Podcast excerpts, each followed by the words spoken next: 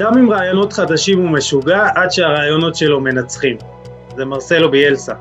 ברוכים הבאים לפרק ה-14 של חולה על כדורגל, הפודקאסט. חיכיתי לפרק הזה באופן אישי, ולא היה לי ספק שזמנו גם יגיע. מרסלו ביאלסה בעיני רבים הוא אניגמה.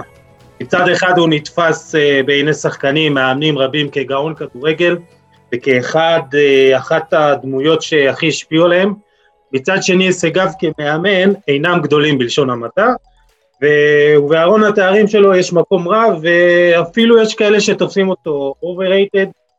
אה, בכדי להבין את מרסלו ביאלסה, המאמן, המנטור, התופעה והאדם, התכנסו איתי פה מאורו נצר, ארגנטינאי שחולה על כדורגל בכל שעות היממה, ואני לא יודע אם בכלל יש ארגנטינאי שהוא לא כזה, ומיכאל אשכנזי, מאמן ספורטינג תל אביב ואנליסט הפועל אום אל-פחם, גיל כנל בתקופת מבחנים והוא יצא לפגרה קצרה והוא יהיה איתנו כבר בפרק הבא, אז אה, לא לדאוג חברים.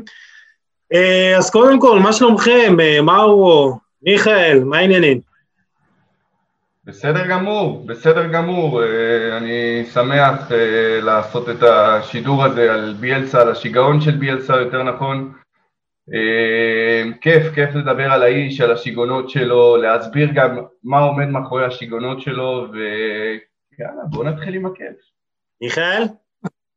וואלה, אני גם שמח להיות פה, אנחנו מתכננים את זה כבר כמה, כמה זמן, אה, להתארח אצלך.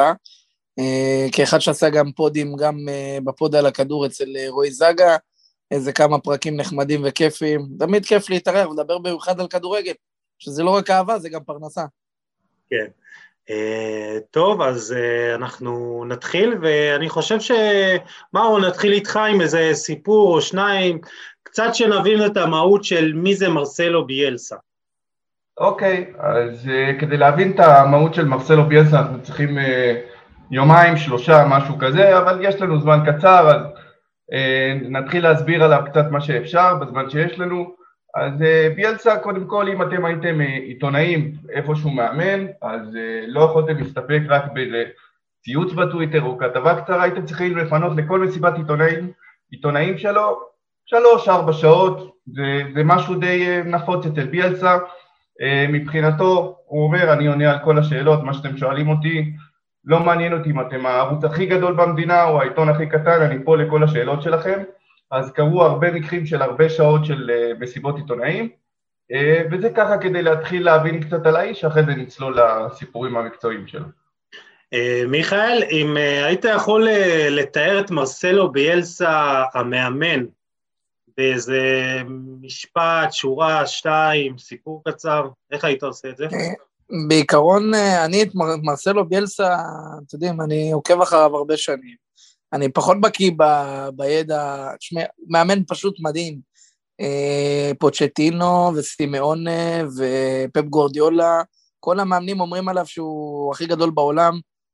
אה, אני דווקא אקח את זה לעונה הזאת, שהוא שיחק נגד, מנצ'ס, נגד ליברפול, וליברפול אה, ניצחו 5-4, ופשוט בכמעט כל מהלך ליץ הגיעו לשער, זה כאילו מדהים. הם הגיעו לכמויות החמצות פשוט מדהימות, אין לי את הנתונים מולי, אבל פשוט פשוט מדהים, מה שהוא עושה מלידס, אה, מה שהוא עשה במרסיי, שהוא היה במרסיי, אה, שאני בתור אוהד מרסיי הייתי שמח שהוא יחזור, אה, אבל כן, רואים טביעת יד שלו בכל קבוצה שהוא היה, חוץ מלציו, שאחרי 24 שעות שהוא מונה הוא פוטר, כן. התפטר. כן, הוא משוגע, לא בן אדם נורמטיבי, לא נראה לי כל כך אפוי. אבל כן, כן, מאמן אדיר. אנחנו עוד נגיע ללאציו, מרסה, וככה נצלול לתוך הקריירה המדהימה שלו. אה, אבל אני חושב שמבחינתי, מה שבאמת הכי מאפיין אותו, זה שהוא אומר שהדבר הכי חשוב בעצם במשחק הזה, כדורגל, זה האוהדים. זה לא המאמנים, זה לא השחקנים, הבעלים, האצטדיונים, את כולם, כולם מתחלפים ואפשר להחליף, בסופו של דבר הדבר הכי חשוב ושהוא לא מתחלף זה האוהדים.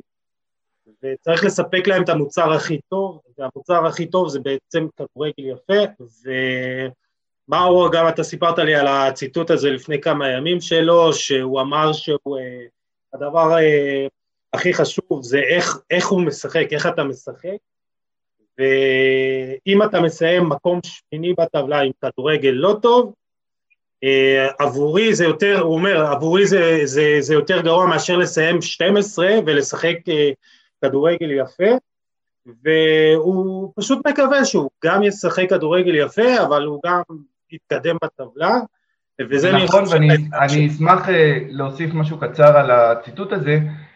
הוא אומר את הציטוט הזה, אבל הוא אחרי זה מסביר שלמעשה כשאתה תשחק כדורגל טוב, ויותר יפה לאוהדים ולכולם, אתה למעשה תשיג את ההישגים שלך. זה פחות או יותר מה שהוא ניסה להסביר בציטוט הזה, זאת אומרת שאתה חייב, אה, שאתה בתור מאמן, אתה רוצה שאתה תשחק כמה שיותר טוב עם השחקנים שלך, ככה אתה תגיע להישגים שלך, ולא דרך זה שאתה תשחק לא טוב, לא יפה, ואתה תהיה מקום שמיני שמבחינתו זה פחות נחשב. כן, אני חושב שזה באמת מסביר את המהות של מרסלו ביאלסה, שמבחינתו הוא מעדיף, אתה יודע, זה קלישה, אבל למות, אה, למות יפה מאשר לחיות מכוער, אה, וזה גם אה, אולי מסביר למה הוא כזה תמיד לא הגיע לאיזה הישגים מטורפים או תארים, הוא פשוט רצה לשחק כדורגל יפה. אבל בואו בוא נתחיל קצת מההתחלה, ביאלסה היה בלם לא כזה מוכשר, ועוד כשהוא היה שחקן נוער, בעצם הוא אסף מידע על, ה... על היריבות שלו, אה, ובגיל 25 הוא החליט אה, לפרוש, כשהוא הבין שזה לא, לא בשבילו. אז אה, מרו, ספר לי קצת על תחילת הדרך שלו, מתי הוא הבין שבעצם הוא צריך להיות מאמן ולא שחקן. זהו, אז למעשה, כמו שאתה אמרת, גם כשהוא היה שחקן הייתה לו קריירה מאוד מאוד קצרה, גם אז הוא היה אוסף הרבה מאוד נתונים על היריבים שלו, על הקבוצות האחרות. אה, הוא הבין שהמקום הטבעי שלו זה, זה על הקווים ולא בתור שחקן. אה, בגיל 24-25 אה, הוא למעשה ניגש להנהלה של ניולס, הקבוצה שהוא היה והקבוצה שהוא אוהד, והוא הציג את עצמו שהוא רוצה להיות מאמן במועדון הזה. הוא היה מאוד מאוד צעיר, בלי ניסיון, בלי שום דבר, אמרו לו תשמע, כרגע אין לנו משהו בשבילך, אבל כן אנחנו נשמח שאתה תסתובב ברחבי ארגנטינה, מה שנקרא תחתים לנו כישרונות. ביאלסה אמר מקובל עליי, אין שום בעיה, הבן אדם, אה, מרצלו ביאלסה שאומרים עליו שהוא לא בדיוק חובב טיסות, לקח רכב, אה, אומרים שהוא, שהוא חילק את ארגנטינה ל-70 אזורים שונים, ארגנטינה מדינה ענקית, 70 אזורים שונים, נסע יותר מ-25 אלף קילומטר, אה, האגדות, הסיפורים, סליחה. אני אומר, זה מטורף. זה מטורף, חכה, רק התחלנו את הטירוף. אה, האגדות, הסיפורים שמספרים עליו, זה שהוא פשוט היה הולך למחוזות הכי הכי קטנים בארגנטינה, ופשוט עומד וצועק מי השחקן הצעיר הכי כישרוני פה, ומחתים אותו. ככה הוא היה עושה, ככה הוא הביא למועדון עשרות שחקנים אה, אה, מאוד מאוד כישרוניים. והסיפור הכי מפורסם זה של פוצ'טינו, לשעבר מאמן טוטנאם וכיום מאמן פריסן ג'רמן. אה, יום אחד הוא הופיע בהרחבה של ההורים שלו, אה, וכשאני אומר יום אחד אני לא בדיוק מדייק, כי הוא הופיע בלפנות בוקר, שלוש לפנות בוקר, הוא דפק על הדלת ואמר להורים של פוצ'טינו, אני רוצה לראות את הבן שלכם. בקשה רגילה, למי מאיתנו זה לא קרה. אה, מעירים את פוצ'טינו, מעמידים אותו, בלסה תופס את הרגליים שלו, אומר, אלה, אלה רגליים של כדורגלן, החתים אותו. ככה פוצ'טינו נהיה כדורגלן, וזה רק על קצה המזלג הטירוף של האיש הזה וכמה שהוא מסור לעבודה שלו, ככה למעשה התחיל הדרך שלו המקצועית. מיכאל, אתה, אתה חושב שמאמן זה משהו, זה איזה יכולת ש, שטבועה בך, עוד לפני שאתה נהיה כזה? אני חושב שמאמן, באופן כללי, אה, המהות של מאמן זה לידר. זה לדעת לסחוף אחריו אחרים, אה, להיות מוטיבטור כזה שכל הזמן מקדם את השחקנים. מאמן בסופו של דבר צריך לקחת סגל ולקדם אותו, אה, בשורה התחתונה. ומה שביאלסה עושה, אתה יודע, אי אפשר להתווכח עם זה. בכל מקום שהיה, כל השחקנים ששיחקו תחתיו אמרו את אותו דבר, ואמרו שהוא המאמן הכי טוב שאימן אותם, עם הידע הכי גדול, ומה שנקרא פריק של כדורגל. זה לא שהוא מז... צעיר, הוא בחור שהולך ומזדקן.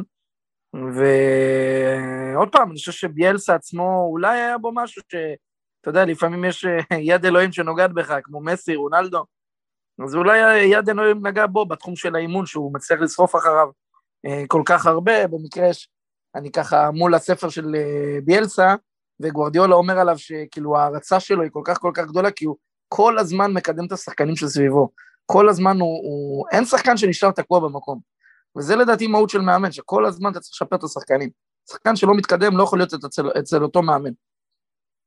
כן, אז אה, בדיוק אתה מדבר על העניין הזה של אה, קידום שחקנים, והוא אה, השפיע על כל כך מאות אלפים של שחקנים, ואני אתן לכם את השמות הבולטים מביניהם, הזכרת מאור את פוצ'טינו, אז גם גבריאל בטיסטוטה, דיוגה סימיונה, אלכסיס סנצ'ז, מרסלו גז'רדה, גז'רדו, לפורט, חווי מרטינז, פרננדו יורנטה, ו, ובאמת, כמו שאמרת מיכאל, הם אומרים שזה המאמן שהכי אה, אה, קידם אותם, אה,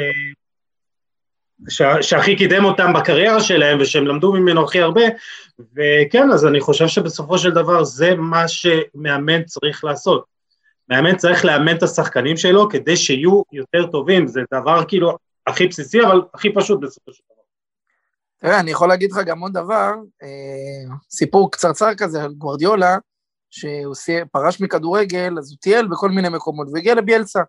סיפור שאני חושב שהרבה מכירים, שהוא הגיע לביאלסה אה, הביתה, והם אה, למדו כדורגל 24 שעות, הם לא ישנו 24 שעות, אכלו, שתו, הכל, כדי להיות ערים, כדי להבין, שפפ יבין את השיגעון של, של מרסלו ביאלסה, כדי ללמוד על עוד המון המון דברים בכדורגל ואיך הוא משלב את, אותו, את אותם דברים.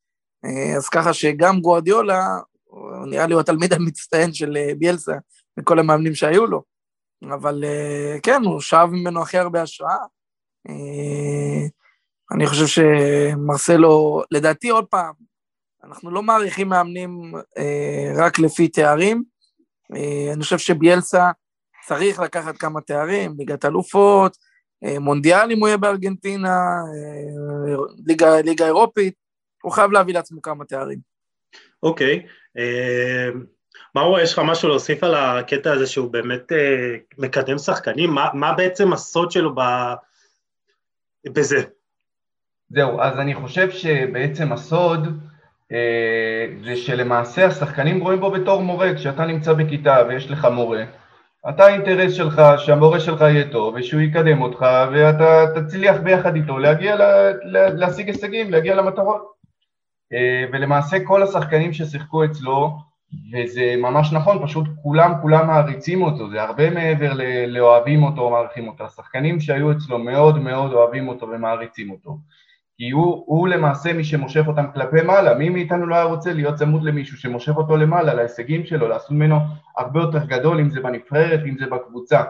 נכון שעד היום, עד, עד הרגע הזה, עד הנקודה הזאת שאנחנו מדברים, זה עדיין לא מתבטא בתארים, אבל אני חושב, אה, אם ניקח את זה טיפה לדיון יותר פילוסופי, יכול להיות שה, שההגדרה של הצלחה או, או הישגים מבחינת ביאלצה היא קצת שונה משלנו, אוהדי הכדורגל, שכל מה שאנחנו רוצים זה מקום ראשון, ליגת אלופות, מונדיאלים וכל הדברים האלה. יכול להיות ש, שאיכשהו מסתכל על זה ב, ב, במילון המאוד רחב שלו בכל השפות, הוא אומר לעצמו, יש מטרות קצת שונות, גם, כלפ, גם כלפי הקבוצה, גם כלפי האוהדים, גם כלפי החברה עצמה, ונדבר על זה אחר כך, יכול להיות שההצלחות שלי הן שונות ממה שאנשים מצפים, וזה דעתי הסוד הגדול, ובנוסף המאמנים האחרים מאוד מעריצים אותו, כי לדעתי הם לא מכירים הרבה מאמנים שהם כל כך מסורים לעבודה שלהם. זאת אומרת, אם אנחנו מדברים על ביאלסה, הוא כל היום נמצא בתוך זה מבחינתו, אם הוא המאמן, הוא מצפה שהשחקנים האחרים, הם יהיו מקצוענים 24/7, לא שחלק מהזמן יהיו מקצוענים וחלק מהזמן לא. אז הוא למעשה משדר את הדוגמה כפי שהוא היה רוצה שאחרים יהיו.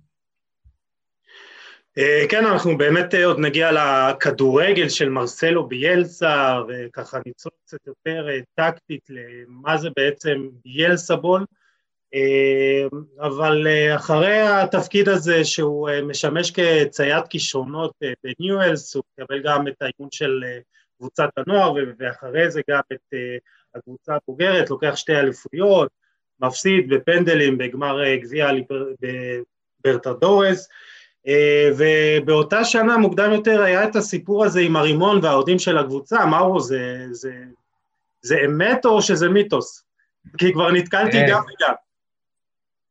יש דברים שקשה לי לאמת, אני לא יודע להגיד, היו על זה המון המון המון סיפורים, אבל חד משמעית אפשר להגיד שביאלסה זה, זה פשוט אה, האגדה אולי, האגדה של האוהדים שכולם אוהבים ומעריצים ו, ויש עליו אין סיפורים, אז אם הסיפור הזה ספציפית נכון או לא, קשה לי להגיד, אני לא יודע אם מישהו יכול לאמת את זה.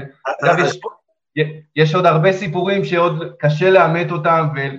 זאת אומרת, לא, לא, לא, לא, לא קשה אה, לספר אותם, אבל יש דברים שהם לא מאומתים, לא יודעים, לא יודע, אני לא רוצה להגיד כן, כן, לא, לא, כן, אבל יש מלא דברים.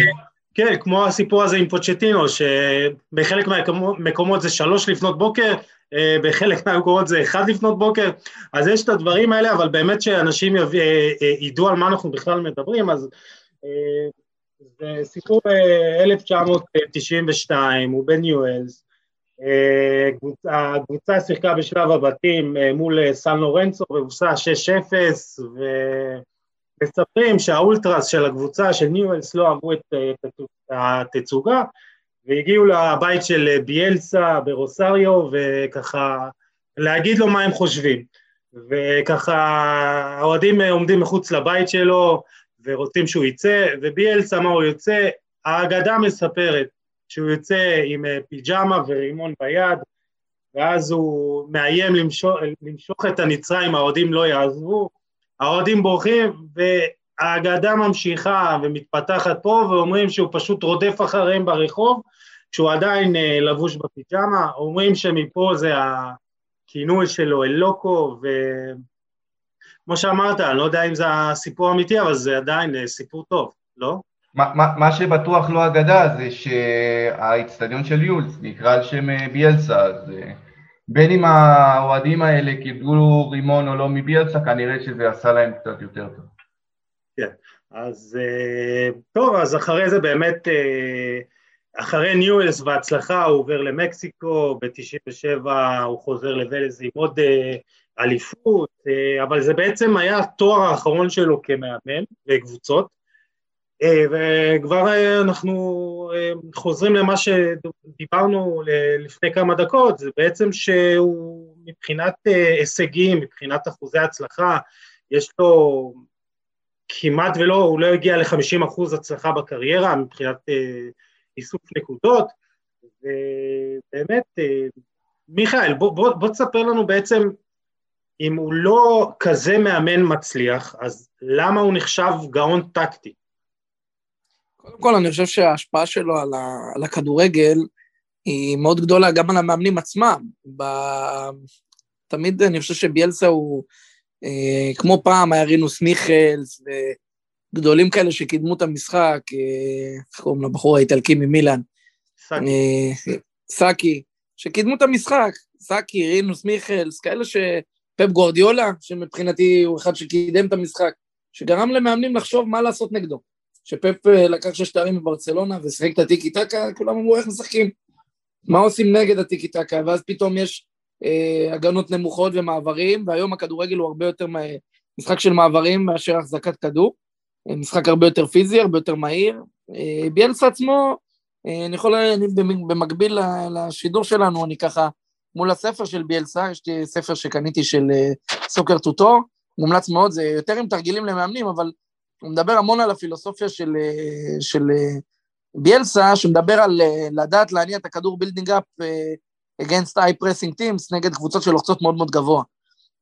שזה, פפי הביא את זה, אני חושב, לראשונה, אבל הנושא הזה של להניע את הכדור תחת לחץ ברמה מאוד מאוד גבוהה, ברמה מאוד מאוד מסודרת. ראינו את זה אה, אתמול, אפרופו פאפ וזה, ראינו את זה אתמול אה, בסיטי נגד ליברפול. היה שם איזה נכון. קטע עם אה, ז'ואר קונסלו, וככה שהוא יוצא מלחץ של תיאגו, ועוד מישהו, פשוט כיף לראות איך, איך הם מצליחים לצאת בשנייה. אתה יודע, זה מדהים לראות, אני בתור אחד שאומנם בליגה לאומית אנליסט והכל, אבל לראות את זה גם במחלקות נוער שאימנתי, אה, לראות שחקנים שבאמת מבצעים את זה, אתה יודע, את הנושא של הנעת כדור תחת לחץ, אה, את המשחק בנגיעה, את הדברים הפשוטים. אה, אני יכול להגיד לך שביאלסה באמת, כאילו, גם אם הוא לא ייקח הרבה תארים, הוא מעדיף לחיות, לחיות יפה מאשר למות מכוער. אבל אני חושב שלפעמים, בשביל להיכנס, מה שנקרא, לתת גושפנקה, זה להביא תואר. להביא איזה גביע אנגלי פתאום, להביא איזה... יש לו את האפשרויות, כי הוא מאמן מדהים, והוא באמת מה שנקרא עושה מהשחקנים סוג של מר גמיש. הוא באמת uh, מצליח, אני תמיד אומר ששחקן כשהוא יודע הכל, הוא לא שחקן כדורגל יותר. אותו דבר על מאמן.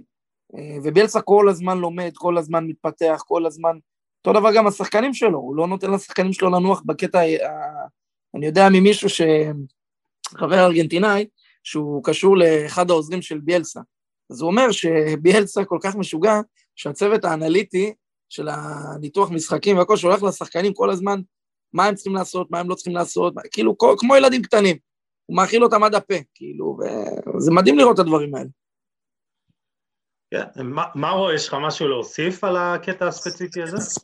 אמ, תראה, אה, אני כן רוצה להוסיף משהו שמיכאל אומר, זה נכון, הוא למעשה מרגיש שהשחקנים, הוא אחראי על כל השחקנים בכל קבוצה שהוא נמצא, והוא נמצא איתם כל הזמן בקשר ישיר, כמו שאמרתי, כמו שלדעתו הוא מאמן 24/7, גם השחקנים 24/7, ואם לביאלצה יש איזה רעיון או איזה הערה לתת לשחקן, אם זה ב-10 בלילה או ב-6 בבוקר, אז הוא יעשה את זה, הוא לא יגיד לעצמו, רגע, עכשיו מאוד מאוחר או מאוד מוקדם, לא, הכל זה חלק מתוכנית מקצועית שהוא מאמין בה וזו הדרך.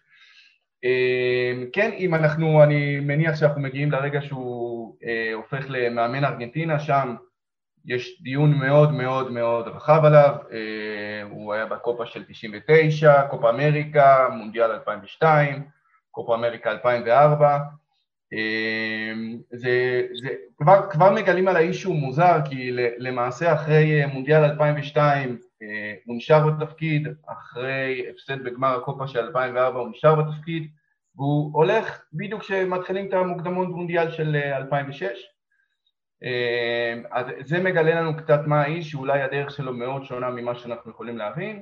כמה סיפורים שיכולים קצת להוסיף על ביאלסה. אז למונדיאל בקוריאה ביפן ב-2002 הוא נסע עם 7,000 סרטונים שונים של מהלכים, משחקים או כל דבר כזה אה, או אחר. שנת 2002 עדיין לא כזאת אה, מתקדמת טכנולוגית, קצת, ממש לא כמו היום. אה, ולמעשה כשהוא, אימן את ארגנטינה לקראת מונדיאל 2002, הוא התקין במערכת מה שנקרא טלוויזיות, שהיום לא נדיר לראות, אבל אז היה מאוד נדיר, הוא ביקש מאחד העוזרים שלו שינהג בהלוך ובחזור. ככה הוא יוכל לעבור על כל אימון כמה וכמה פעמים, הלוך וחזור, וככה הוא מגיע עם התובנות לפני האימונים ואחרי האימונים. אמ, לגבי הצלחה וכישלון, אני מניח שאתם תרחיבו קצת יותר. אה, כן, אני זוכר, זה היה בדיוק כשהגענו לארץ, שנת 2002, היינו פה חודש בארץ. אה, ארגנטינה אה, רשמה כישלון עצום ולא עברה את שלב הבתים.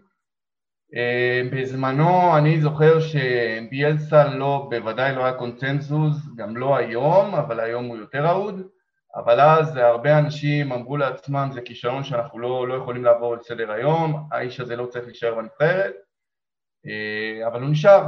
אה, הדיון היה איך הוא לא שיחק גם עם קרספו וגם עם בטיסטוטה ביחד, לדעתי אף אחד חוץ מביאלסה לא יבין את זה לעולם. אמ, ואחרי זה גם כשהוא רשם כמה, אה, מה שנקרא, במרכאות אני אומר, השפלות של אה, עוד הפסדים בגמרים ועוד הפסד לברזיל וכל הדברים האלה, הוא עדיין נשאר בתפקיד. וכשהוא עזב, אה, קצת אחרי המוקדמות למונדיאל 2006, הוא העיד על עצמו שהוא עזב את הבית, הסתגר לשלושה חודשים, הוא רק היה קורא, ישן ואוכל, זה כל מה שהוא היה שהיה עושה הוא למעשה התבודד מכל אה, שאר העולם, אה, ואחרי אה, חודש, חודשיים, הוא, בגלל שהוא היה לבד, הוא היה מדבר עם עצמו. וזה למעשה מה שהוא מעיד על עצמו, שככה הוא התחיל לקרוא לעצמו שהוא משוגע, הוא מדבר עם עצמו, משוגע. טוב, אז הנה, הנה עוד סיפור איך הגיע הכינוי הזה. אבל זה מצחיק שיש, אה, אנחנו חיים בעידן של... אה, אתה יכול להגיד מה שאתה רוצה וזה ייחשב כ... עידן של משוגעים. כן, אז uh, בכל מקרה, אני, אני אגיד לכם מה, מה אני חושב מבחינת ההצלחה, לא הצלחה, אני חושב שיש uh, סוג כזה של אנשים שההצלחה עבורם לא תלויה בהישגים, עכשיו תארים, ולא תלויה בניצחונות. כל אחד רואה את ההצלחה שלו בצורה שונה. אחד אה, יכול, אתה יודע, לקחת אה, את הצלחה כטוב, תפקיד עכשיו מנכ"ל של איזה חברה, משכורת של שש ספרות וזה, ואחד זה בית, משפחה, זה הצלחה שלו. אז מרסלו ביאלסה מבחינתי זה אחד שלא ראה בתואר איזה הישג על שהוא צריך, והסיפוק שלו היה מזה שהוא מקדם שחקנים, מזה שהוא אה, לוקח פרויקטים, מאתגר את עצמו, ו- וזה בסדר וזה לגיטימי, וכמו שאמרת, אה, מיכאל, זה בן אדם שהשפיע על כל כך הרבה מאמנים, על כל כך הרבה טקטיקות, ויש לו חלק גדול בהיסטוריה מבחינת ההתפתחות של המשחק. ואין ספק שאולי מבחינת המאמן הכי גדול שהוא השפיע עליו זה פפ גוורדיולה, וככה ציטוט שעוד כמה מאמנים שהוא השפיע, זה ברור, פוצ'טינו, סימאון, חוכס סמפיולי, פלגרינו, זה מאמנים, גז'ארדו שהוא אימן, זה באמת מאמנים שהטביעו חותם כזה או אחר על הכדורגל העולמי, אבל אה, פפ למשל אומר עליו שזה, הוא לעולם לא ישכח את הזמן שהוא השקיע עבורו באותה פגישה הזאת בחווה, וגם פה יש אה, כל מיני גרסאות כמה שעות הם ישבו, 13 שעות, 24 שעות, זה מצחיק, אבל... אה, ישבו ובאמת... לא מעט, נראה לי כולם מסכימים עם זה. כן, כן, כן. אה, שהם לא אכלו ורק שתו, קיצור, יש הרבה, אתה יודע, גרסאות לסיפור הזה בחווה, אבל הוא, הוא, הוא באמת מעריך את ביאלסה שנתן לו את הזמן והשקיע בו, והוא מאוד מאוד אוהב אותו, והוא אומר, להיות אהוב זה יותר חשוב מכל תואר, יותר מהצ'מפיונס או הפרמייר ליג, להיות אהוב זה הדבר הכי חשוב, ואני חושב שלמרסלו יש את זה יותר מכל מאמן אחר. ואני חושב שזה המהות של הבן אדם, כאילו הוא רוצה שיאהבו אותו, ולא אכפת לו עכשיו לקחת תואר או משהו אחר, אז אין לו בעיה לפוצץ חוזה בלאציו אחרי 24-48 שעות. הוא נאמן לאמת שלו. אני, מיכאל, אתה, אתה חושב שהמורשת שהוא השאיר, שהוא משאיר מאחוריו, היא לא פחות חשובה מהתארים עצמם? אה, תראה, זה תלוי, כי אני חושב שמאמן כן אה, צריך לקחת תארים בסוף. אה, אתה יודע, להתמודד על תארים. תראה, פה עכשיו המצב הוא שונה, כי הוא בלידס, ובליץ זו קבוצה שרק עלתה מהפרמרשיפ, אה, מהליגה השנייה, ואני מאמין שאם ייתנו לו, תראה, מאמן צריך את מה שנקרא את הביטחון התעסוקתי שלו. אני חושב שאם באמת ייתנו לו, אני חושב ש... אה, אני, אני חושב שכן הוא יביא את התארים, כי זאת ליגה עם הרבה כסף, ויש גם בעלים האיטלקי שהוא עם הרבה כסף. אני חושב שבסוף תהיה לו את האופציה הזאת להביא תארים, אבל אני חושב שצריך סבלנות, אם, אם הם רוצים להחזיר את ליץ לימים היפים שלה, מה שנקרא, הם צריכים לתת למאמן לעבוד, והמנהל המקצועי לא לתת לו, שלא יבלבל את המוח של המאמן, כי זה כן מאמן שיודע לעשות דברים. אה, כמה זה יחזיק? אין לי מושג. אם הוא יזכה בתארים, הלוואי, אני כן רוצה שהוא יזכה, אה, זה לא משנה אם זה בליץ או אם הוא יחזור למרסיי, אבל אה, אני חושב שכן, אני חושב שהוא... הוא מאמן מדהים, ורואים את זה מהפידבקים עליו. אני נגיד אישית הייתי מת לנסוע ללמוד אצלו, אה, ולהבין ממנו כדורגל ואת הראייה שלו על כדורגל, אבל... יש לך אה, כבר את הקשרים עם הזה. כן, צריך לזרוק שם איזה מילה. יאללה. אבל אה, אני חושב שכן, אני חושב שבסוף הוא צריך גם תארים כדי להגיד, תראה, זה כמו שנגיד פפ גורדיולה, לא משנה כמה גאון הוא יהיה, אם הוא לא מביא תואר בברצלונה, אז אתה יודע, אז היינו אומרים, טוב, עוד שחקן עבר שהיה שחקן גדול ולא הביא כלום. זה כמו שתמיד מזכירים לו את העובדה שהוא עדיין לא זכה בצ'מפיונס עם כל הכסף בסיטי שהוא שפך. אה, בדיוק, בסיטי הוא לא זכה ולא בביירן. זה לא נע. כן, אז תמיד יש את הכוכבית. השנה אני מאמין שהוא יעשה את זה עם הסיטי, אבל אני חושב ש... אה, ההזדמנות שלו, עוד פעם, יש מאמנים ש... עוד פעם, הכדורגל, כמו שאמרתי, מתפתח כל הזמן, אה, ויש מאמנים שלא זזים מילימטר מהפילוסופיה שלהם, כמו פפ גורדיולה, למרות ששנה שעברה, אם אתם זוכרים נגד ריאל, הוא קצת שינה את הפילוסופיה שלו, אבל uh, עוד פעם, כל אחד ו... וההישגים שלו, בסוף ביאלסה צריך להביא תואר, אה, כן. כדי שהוא יחשב uh, מאמן uh, ברמה הכי גבוהה, ואתה יודע, אני לא אומר שהוא יביא ליגה אנגלית, אבל להביא תואר, זה גם יעשה טוב לאוהדים שלו, והתודעה שלו תהיה, איך הוא אמר, אני אוהב להיות אהוב, שיהיה אהוב עם תארים. כן, אז בואו נדבר באמת קצת אה, על הכדורגל עצמו שלו. אה, מהו, אה, האם הנבחרת אז, בתקופה שלו, שיחקה כדורגל טוב, למרות חוסר ההצלחה? אני חושב שכל התקופה שהוא היה קשה לשים את האצבע רק על תקופה אחת ולהגיד אם הייתה טובה או לא. לגבי ספציפית מונדיאל 2002, היו שם שחקנים אדירים ונבחרת אדירה שכולם ציפו לה, מה שנקרא, עתיד הרבה הרבה יותר גדול מאשר כישלון עצום בשלב הבתים. אני חושב שלגבי הדרך, שוב, יש פה הרבה מחלוקות, הרבה מחלוקות, גם בעיקר בין הארגנטינאים, שבסופו של דבר צריך להגיד את האמת, הרבה מאוד ארגנטינאים רוצים לנצח.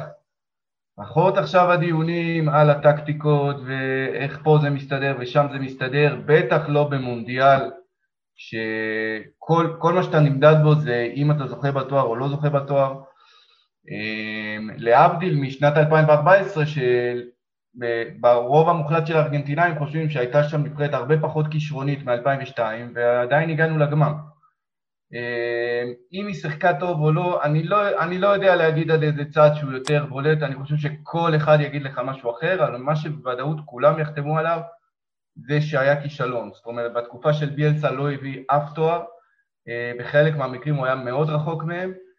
אמ, קשה, קשה להגיד, קשה להגיד, אבל כן אפשר להגיד ש, שהיום הוא הרבה הרבה יותר אהוד מאשר אז. זאת אומרת, היום אנשים מבינים את מה שלא הבינו אז, שזה בן אדם מאוד מיוחד שיש לו דרך משלו, הוא מסתכל על דברים אה, קצת אחרת מאיתנו, אה, ומאוד מאוד אוהבים אותו. שוב, קשה להגיד שזה הרוב, אבל הרבה יותר מה, מהתקופה ההיא, זה בטוח. טוב, אז התחלנו קצת אה, לדבר על הכדורגל של מרסלו ביאלסה, בואו בוא קצת נצלול לתוך הטקטיקה, לתוך סוג הכדורגל של מרסלו ביאלסה. אה, ואני אתן לכם נתון עדכני שבאמת אה, אולי מספר את כל הסיפור, זה שליצי הקבוצה הראשונה מבין כל הקבוצות אה, בחמש הליגות הבכירות באירופה, בעצימות המאבקים שהיא נכנסת אליהם, זה 8.2 מאבקים הגנתיים, שזה כולל מאבקים אוויריים, קרקע, חטיפות, תיקולים וחילוצים, לכל דקת החזקת כדור של היריבה. וביאלסה באמת אה, מציין את זה, והוא אומר שבאמת אה, זו הקבוצה שהיא אה, משקיעה הכי הרבה זמן בללחוץ את היריב, אבל מה שחשוב זה לא רק ללחוץ, אלא ללחוץ, לחלץ את הכדור, ואז למצוא את היריב לא מאורגן. ובאמת מה שהוא מנסה מהקבוצות ובאמת דורש מהשחקנים, זה באמת לעשות את הלחץ הזה, אבל הוא רוצה שהלחץ הזה יהיה יעיל. כלומר, באמת, כדורגל אה, אגרסיבי, חזק, עוצמתי, מהיר, ולהגיע לשער באמת אה, כמה שיותר מהר. אה, וזהו, אה, בוא מיכאל, בוא, בוא תנסה לתמצת את העקרונות של ביאלסה כמאמן, באמת, אה, מה הוא דוגל. תראה, בעיקרון רוב המשחק שלו מבוסס על משחק לחץ. כמובן, הוא רוצה יותר את הכדור אצלו מאשר אצל היריבה, אבל אין לו בעיה שהכדור לא יהיה אצלו. Uh, רוב המשחק הוא יעדיף שהכדור יהיה אצלם ברגליים ושהם ייצבו את כל הדברים ואת כל, ה, כל המהלכים בתוך המשחק, את המצבים. הוא מאוד אוהב את השתיים על אחד במשחק האגפים. Uh, שוב, הנושא הזה של בניית המשחק מאוד מאוד חשובה לו, בטח בחלק האחורי. אני חושב שגם, כמו שאמרת, הנושא הפיזי, אה, גם רוב השחקנים שהתאמנו אצלו אמרו שאיתו הם מתאמנים הכי קשה. אה, ובדומה אליו, גם פוצ'טינו, בטוטנאם, גם כמה מהשחקנים הבכירים אמרו שגם אצלו הם מתאמנים ברמה שבלתי נסבלת. אבל אז כנראה שהם סובלים באימונים ברמה הפיזית, אבל אה, רואים את זה על המגרש ברמה הטקטית. ביאלסה הוא מאמן, שהוא לא מאמן מגוון. זה לא מאמן שיודע להתאים את עצמו למשחק, זה מאמן שהוא יוצר את המשחק, ובדרך כלל רוב המאמנים מגיבים. אה, מגיבים. הוא מאמן שגורם למאמנים מולו לחשוב ולהגיב, ואז ככה הוא יודע לנהל את המשחק יותר טוב. אה, אבל שוב, משחק שמבוסס על משחק לחץ, משחק אגפים. אני זוכר שבמרסיי, היו, בתקופה שלו הוא שיחק 3-3-3-1. עם שלישיית בלמים, שלישיית קשרים אחוריים, שלישייה יותר קדמית וחלוץ אחד בודד, שאם תפרוס את זה, זה נראה כמו 4-3-3 או 3-4-3, אבל uh, הוא כן מנסה כל מיני שיטות משחק, שנה שעברה בליגה השנייה משחק עם שלושה בלמים, הוא מאמן שמבחינת התפיסה של המשחק, אין לו בעיה לשנות את העמידה על המגרש. בסוף הוא גם מאמין בזה שלא משנה איזה שחקן אתה שם, הוא צריך לדעת לעשות מה שצריך לעשות בצורה הכי טובה ביותר, לפי הסגנון משחק ש... של ה... שלו, של הצוות שלו. אה, ככה שעוד פעם, המרכיבים של מאמן, אני חושב שהמרכיבים שלו זה המרכיבים של המאמן המושלם, אה, כי זה מאמן שאני נגיד מאוד אה, תופס ממנו, כי הוא גם תמיד אומר, מאמן צריך לדעת הכל. מאמן לא יכול להיות שיהיה לו ספקות, שנגיד מאמן כושר יגיד לו איזה משהו, אז הוא יגיד, אה, או, לא ידעתי וכאלה, יתחיל לגמגם. אה, מאמן צריך בסופו של יום לדעת הכל, את הנושא של המשחק עצמו, את הנושא של הפיזי, את המנטלי, את ה... הכל, הכל, הכל. מאמן צריך לדעת הכל. אני לא חושב שמאמן צריך לדעת רק כדורגל וזהו. ושהמאמן כושר יעשה את הכל וידע הכל. זה, זה לא עובד ככה. מאמן צריך לדעת הכל כדי לא ליפול בסימני שאלה וצריך תשובה להכל. זהו. טוב, מאורו, מה באמת uh, אתה חושב על הכדורגל עצמו של ביאלסה? אתה נהנה לראות אותו? Uh, קודם כל, לפני השאלה הזאת אני רוצה להוסיף משהו קטן על uh, מיכאל. Uh, אני מסכים איתו במאה אחוז שהיום, במיוחד היום מאמן צריך להקריא הכל מהכל והוא לא יכול רק להיות מאמן של קבוצה.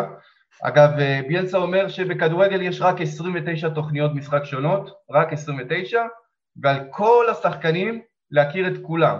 זאת אומרת, מבחינתו, אתה רוצה להיות היום שחקן, אתה היום שחקן צעיר שמעוניין או מאוד רוצה אה, להגיע לרמות הכי גבוהות בתור אה, שחקן אה, אה, מקצועי, אה, אתה צריך להכיר את כל, ה, את כל תוכניות המשחק, לא מעניין אותו שהרגע אתה בן 17-18 ויש לך עוד דרך לעבור, אתה צריך להכיר קודם כל את הכל ולאט לאט לפי זה אנחנו נבנה את הדרך.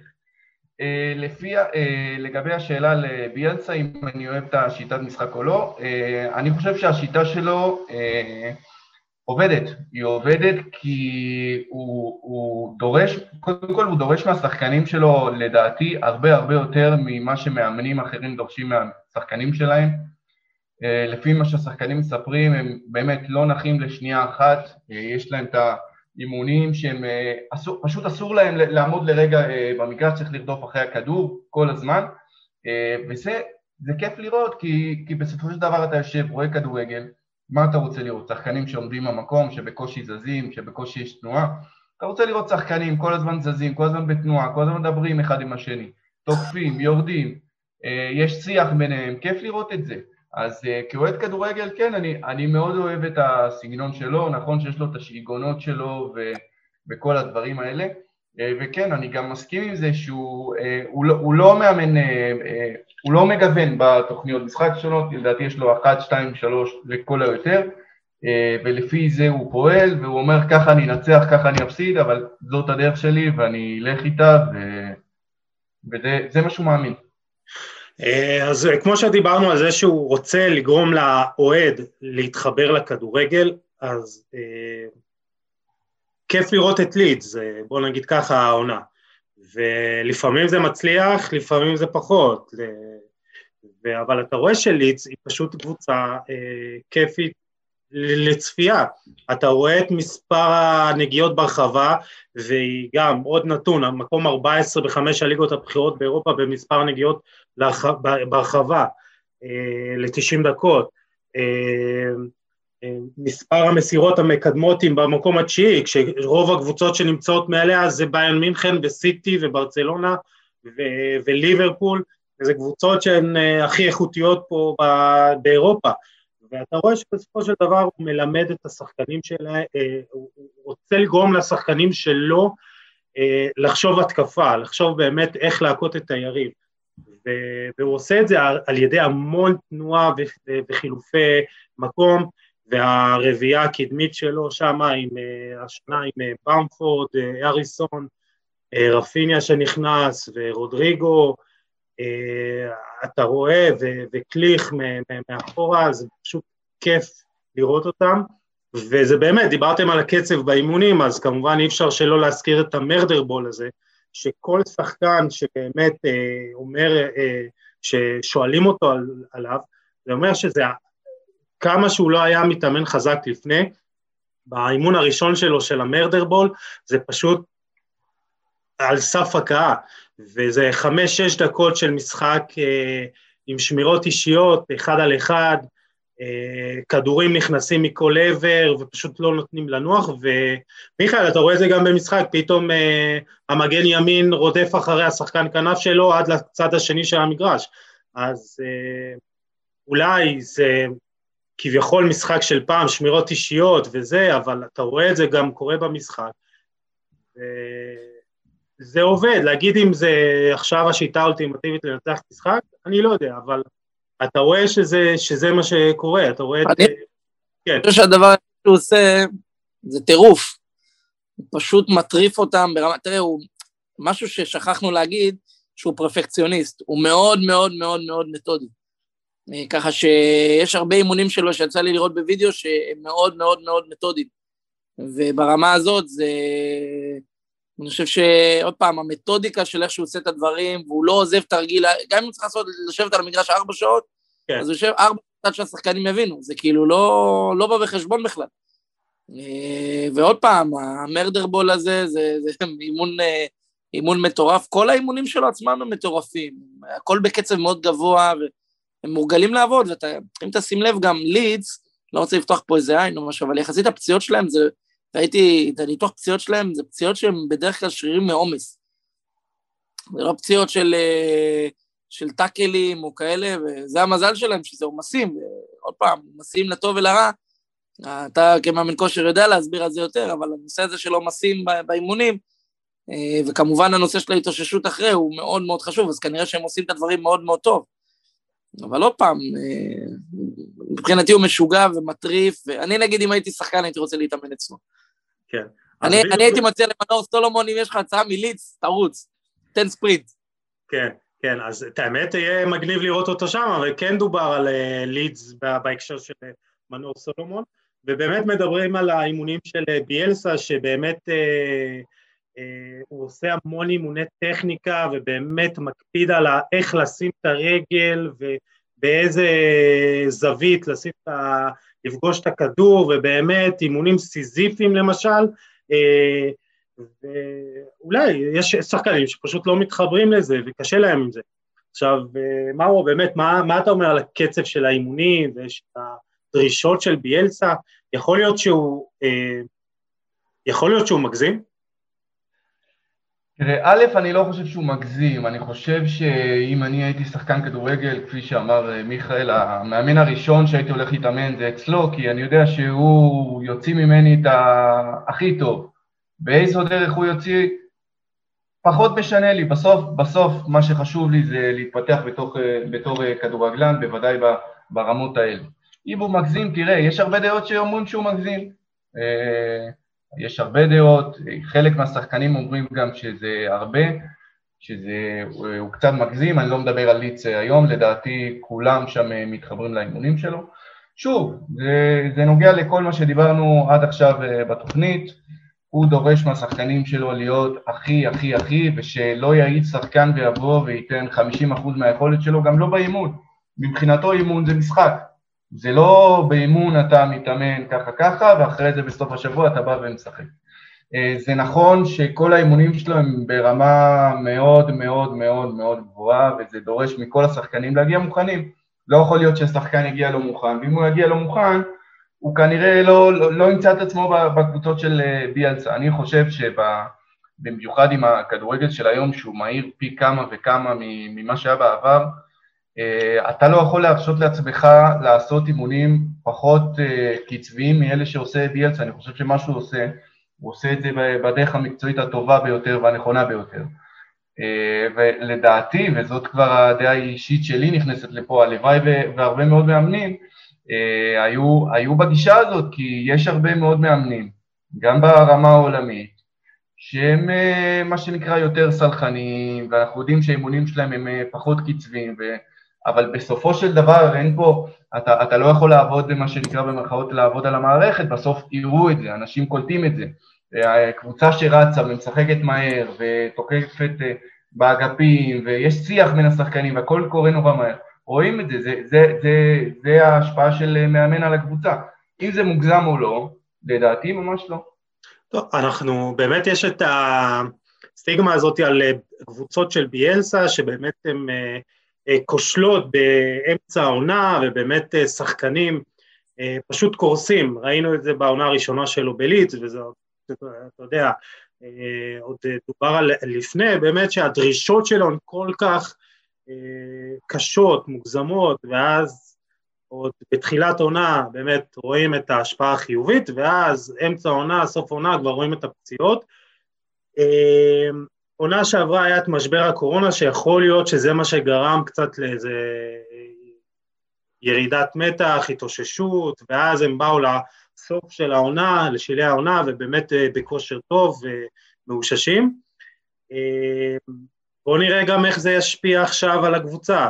אני חושב שרוב השחקנים נמצאים איתו שנה שלישית, אז כבר ההשפעה הזאת, הם רגילים לדרישות, הם יודעים מה הוא רוצה, אה, ואני חושב שדווקא בקטע הזה, אני לא חושב שיש איזשהו, איזושהי דאגה. מיכאל, בוא, בוא, בוא תגיד לי, כי באמת כאילו על הדינמיקה... אני אתן לך עוד איזה קטע על ביאלסה, שתבינו כמה הוא משוגע.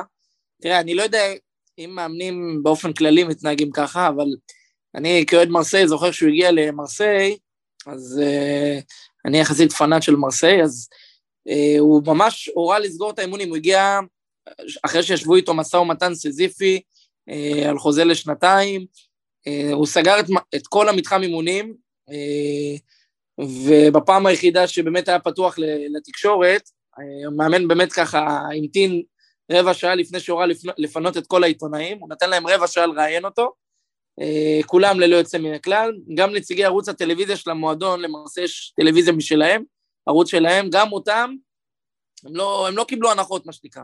גם להם זה היה במסגרת ה-15 דקות. באימונים הראשונים, באמת, כל המתחם אימונים היה סגור, אה, ואתה יודע, קטעים בודדים באמת של חלקים מהאימון אה, הוכנסו, שחקנים, אה, הוא מכר את מתיו ולבואנה, שהוא היה סמל במרסיי, הוא רצה למכור והוא השקיע scouting, הוא קנה את רומן אלסנדריני בחמישה מיליון, את מישי בטשואי בשבע מיליון, והוא באמת במקום הראשון שלו כשהוא הגיע, באמת נתנו ברמת משמעת, באמת כמו חיילים בצבא, וברמת זה שהוא נתנו לו באמת, קח בלונש, כרטיס לבן זה נקרא בצרפתית, לתת לו לעשות מה שהוא רוצה. אה, והוא באמת אה, מכר את ולבואנה שאז היה סמל במרסיי, אה, ובאמת הוא הציב בראש רשימת הרכש שלו שיטות וידאו, שיטות, שיטות ניתוח וידאו שבה משתמשות באמת הקבוצות הבכירות באירופה, שעלו מעל 20 מיליון יורו. ובאמת כאילו אם שחקן היה באמת רוצה לבוא ולדבר איתו והכל זה הכל דרך העוזרים, אי אפשר לדבר איתו ישירות, היה איזשהו distance מאוד מאוד גדול. אה, העוזרים שלו במרסיי היו אה, דייגו וחביר טורנטה ופבלו קירוגה, כולם ארגנטינאים, מאור, אתה בטוח מכיר. אה, אבל עוד פעם, הנושא הזה שלא נותנים לו, הוא היה בוס, זה, זה ככה זה עובד, הוא, הוא קובע ומה שקובע כולם הולכים אחריו. אז ככה שבצרפתית, בארגנטינאי זה לוקו, בצרפתית זה לופו. אז... אה, ועדיין מתגעגעים אליו במרסיי, דרך אגב, אני מת שהוא יחזור. אבל גם שם במרסיי הייתה את הנפילה אחרי פגרת החורף, אם אני לא טועה, נכון? נכון, נכון, נכון, גם שם הוא התרסק, כל פעם גם פציעות, גם חיבור עם השחקנים.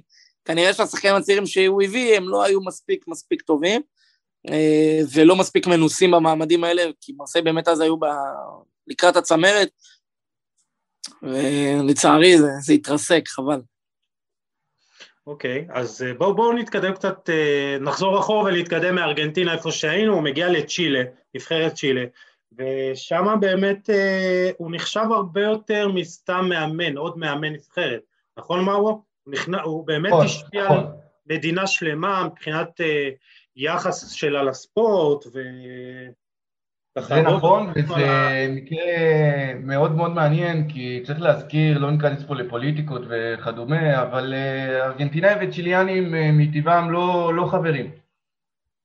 אה, לא חברים, ברמת הספורט זה קצת שונה, כן היו מאמנים ארגנטינאים גם לפני זה וגם אחרי זה, אבל שוב, ביאלסה מגיע לצ'ילה. כולם רואים שהבן אדם הוא מקצוען 24-7. מאוד אוהבים אותו, מעריצים אותו. יושבים במסיבות עיתונאים והוא מסביר להם הכל, הכל, כל דבר, כל שאלה שיש להם, הוא מסביר להם. האימונים שלו, כמו שמיכאל הזכיר, גם בצ'ילה היו, היו חלק אימונים סגורים, וכן היה להם דברים בתקשורת, איך אתה לא נותן לנו להיכנס וכל הדברים האלה, אבל הוא, הוא רואה את זה בתור uh, המקצוע שלו. Uh, כן, הוא, הוא היה uh, מאמן, uh, מגדירים אותו מאוד מוצלח, ואני אומר את זה אפילו לפני ש... שלמעשה, אחרי שהוא עזב, אז צ'ילה uh, זכו בשתי קופה אמריקה. וזה לא היה עם ביאלסה, ועדיין ביאלסה נחשב למאמן מאוד אהוב ומאוד אוהבים אותו בצ'ילה. הוא אפילו קיבל פרס כבוד כזה מהמדינה, מצ'ילה. כן, הוא שינה שם משהו בתרבות, מאוד אוהבים אותו, ושוב אני מזכיר שהוא ארגנטינאי, וזה לא פשוט, זה לא תמיד ככה, אבל שוב, לדעתי בסופו של דבר, כמעט כמעט לכל מקום שביאלסה הגיע, חוץ מלאציו שלא כל כך הספיקו להכיר אותו, מאוד אוהבים אותו, מאוד התחברו אליו. גם בליל הצרפתית הוא התרסק. נכון, נכון, נכון, נכון, נכון. אה, שוב, אז יש אה, כל מיני קבוצות כאלה שלא לא ממש הספיקו להכיר אותו, אולי לא כל כך אוהבים אותו, אבל בצ'ילה זה כן, זה מה שנקרא סיפור אהבה, וביום שהוא החליט לעזוב, שוב, זה היה ביום בהיר אחד, הוא החליט לעזוב, היה לו, אם אני זוכר נכון, אה, חוזה לעוד איזה שלוש שנים לפחות. הוא קם יום אחד ואמר, אני חושב שהיו שם בחירות בהתאחדות או משהו מהסוג הזה, והוא אמר, עם המועמד הנבחר, אני לא מתכוון להישאר. וזה מה שהיה, אף אחד לא ציפה לזה, יום אחד הוא קם והלך, שזה החשש של כולם, שבדרך כלל איפה שהוא נמצא, יום אחד הוא פשוט אומר, אה, חבר'ה, תודה רבה לכולם, בצורה מאוד מנומסת, כמו שהוא מדבר, אה, והוא קם והולך. גם הליץ, כשהיא עלתה ליגה, היו כל מיני קולות שאמרו, אוקיי, עלה ליגה, והוא לא חושב עכשיו פתאום לעזוב אותנו, נכון? היו חששות כאלה, ולדעתי החששות האלה קיימים אה, תמיד תמיד, כי זה הבן אדם, הוא לא הולך בשיא ההצלחה והוא לא הולך בשיא הכישלון. הוא פשוט יום אחד הולך כי... מתי שמרגיש לו שהוא צריך לעזוב, הוא עוזב. בדיוק, כשהוא מרגיש שהוא סיים לעשות את שלו וכשהוא סיים לעשות את הרשימה של אה, הישגים, מטרות, אה, לא יודע, כישלונות או כל הדברים האלה, הוא אומר, חבר'ה, אני סיימתי, כמובן לא בחצי משפט כמו שאני אומר עכשיו, כנראה באיזה מסיבת עיתונאים של 3-4-5 שעות, אבל uh, בסופו של דבר הוא עוזב, מודים לו על הכל והוא ממשיך הלאה. כן. אז uh, אנחנו ככה אחרי צ'ילה, הוא מגיע ל... לספרד, uh, אתלטיק בלבאו, עונה ראשונה קצת מוצלחת, עונה שנייה פחות, אבל גם שם הוא עוזב את המועדון אחרי שנתיים, ואם אני לא טועה זה גם החלטה שלו, כאילו, הוא היה נכון. ממשיך עם הקבוצות. אה,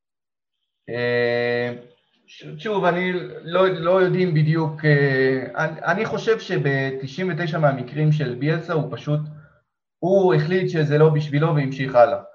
אה, לגבי בלבאו, צריך להזכיר, גם שם הוא באמת מאוד מאוד אוהבים אותו, מאוד. זה, הוא נחשב שם ב, ב, בין המאמנים ש, שאוהבים הכי הרבה, ויש איזה סיפור עליו שהוא באמת, כבר הגענו לקטע ביזארי איתו, כי בין העונה הראשונה לשנייה... ביאלסה, לא יכול להיות.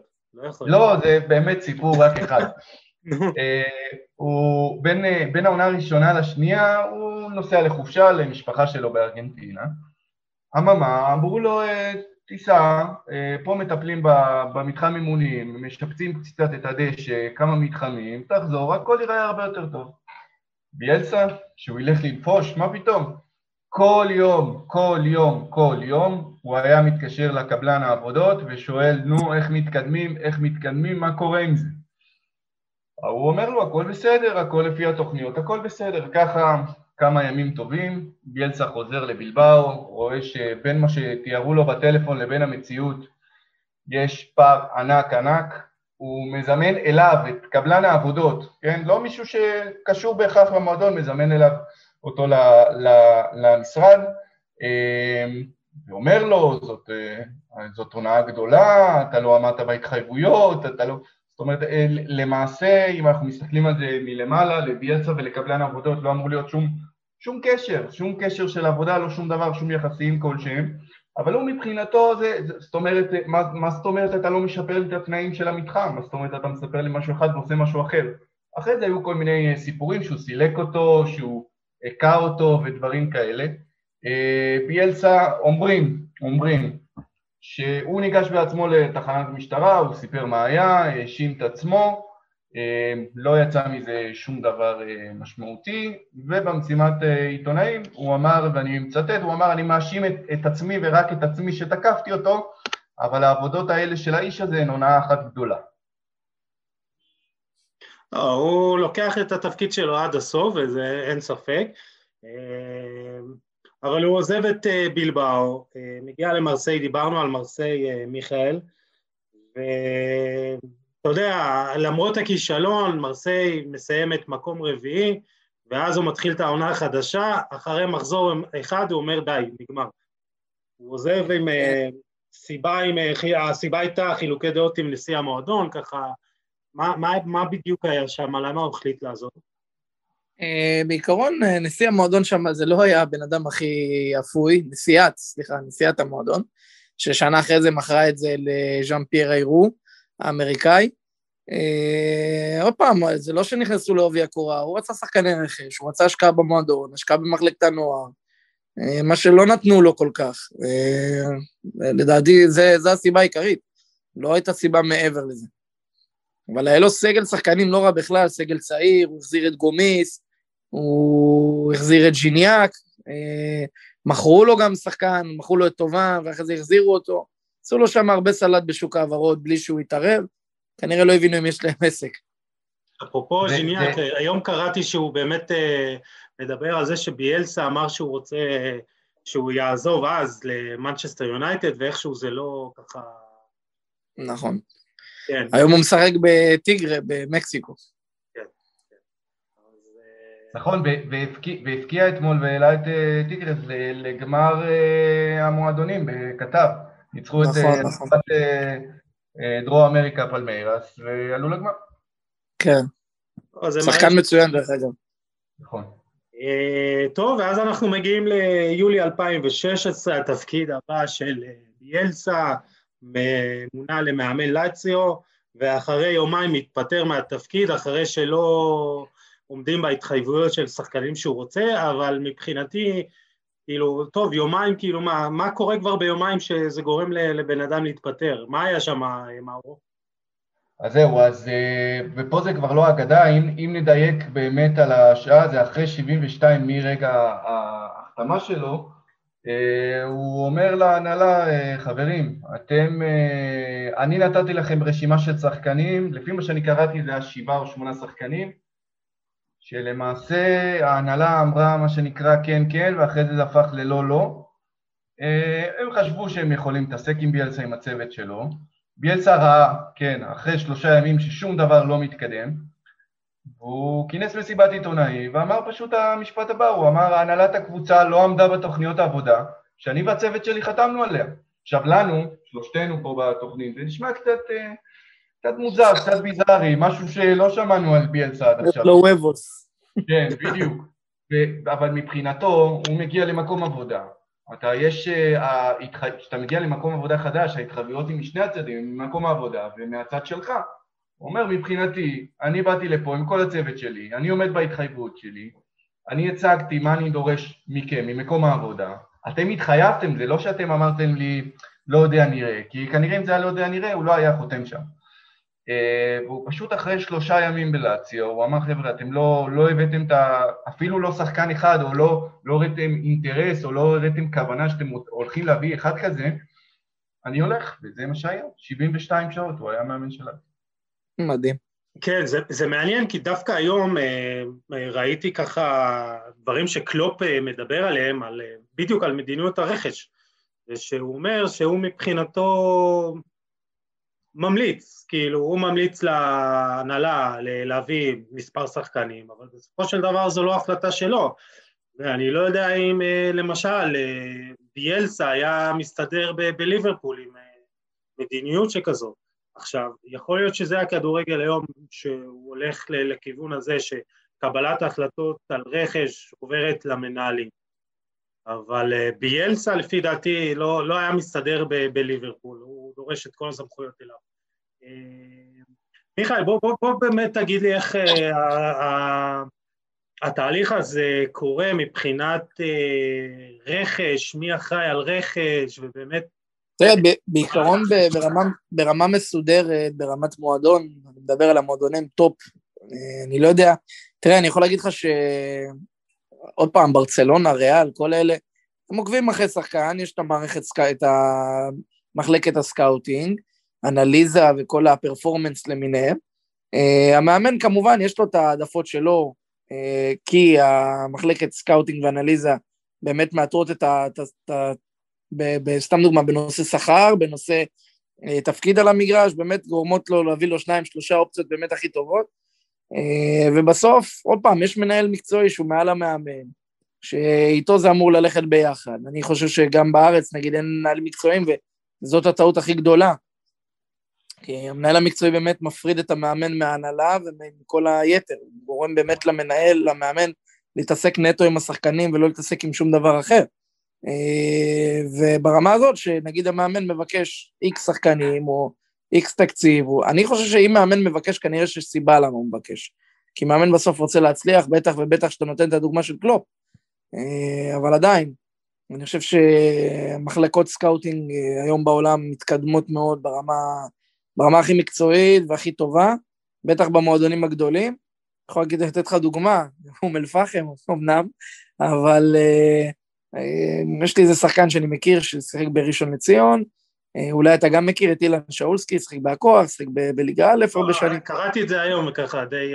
אור יהודה, ובמקרה זה שחקן שאימנתי בנערים ב', מוטי אומר לי, תשמע, אני מחפש שחקן שהוא מגן ימני, בלם, אמרתי, וואלה, תשמע, יש מישהו שאני מכיר, וואלה, שיחק בראשון לציון בתחילת העונה, אפשר לבדוק עם הסוכן שלו מה קורה, וואלה, זרקתי את השם שלו, החתימו אותו. אז פה זה עובד ככה בארץ.